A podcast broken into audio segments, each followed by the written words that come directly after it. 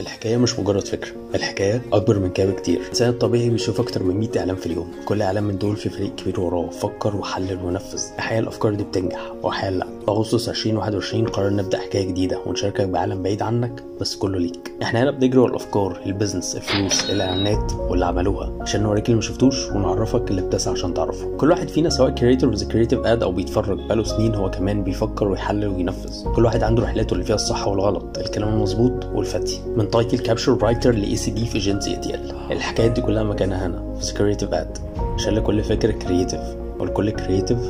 ذا كريتيف اد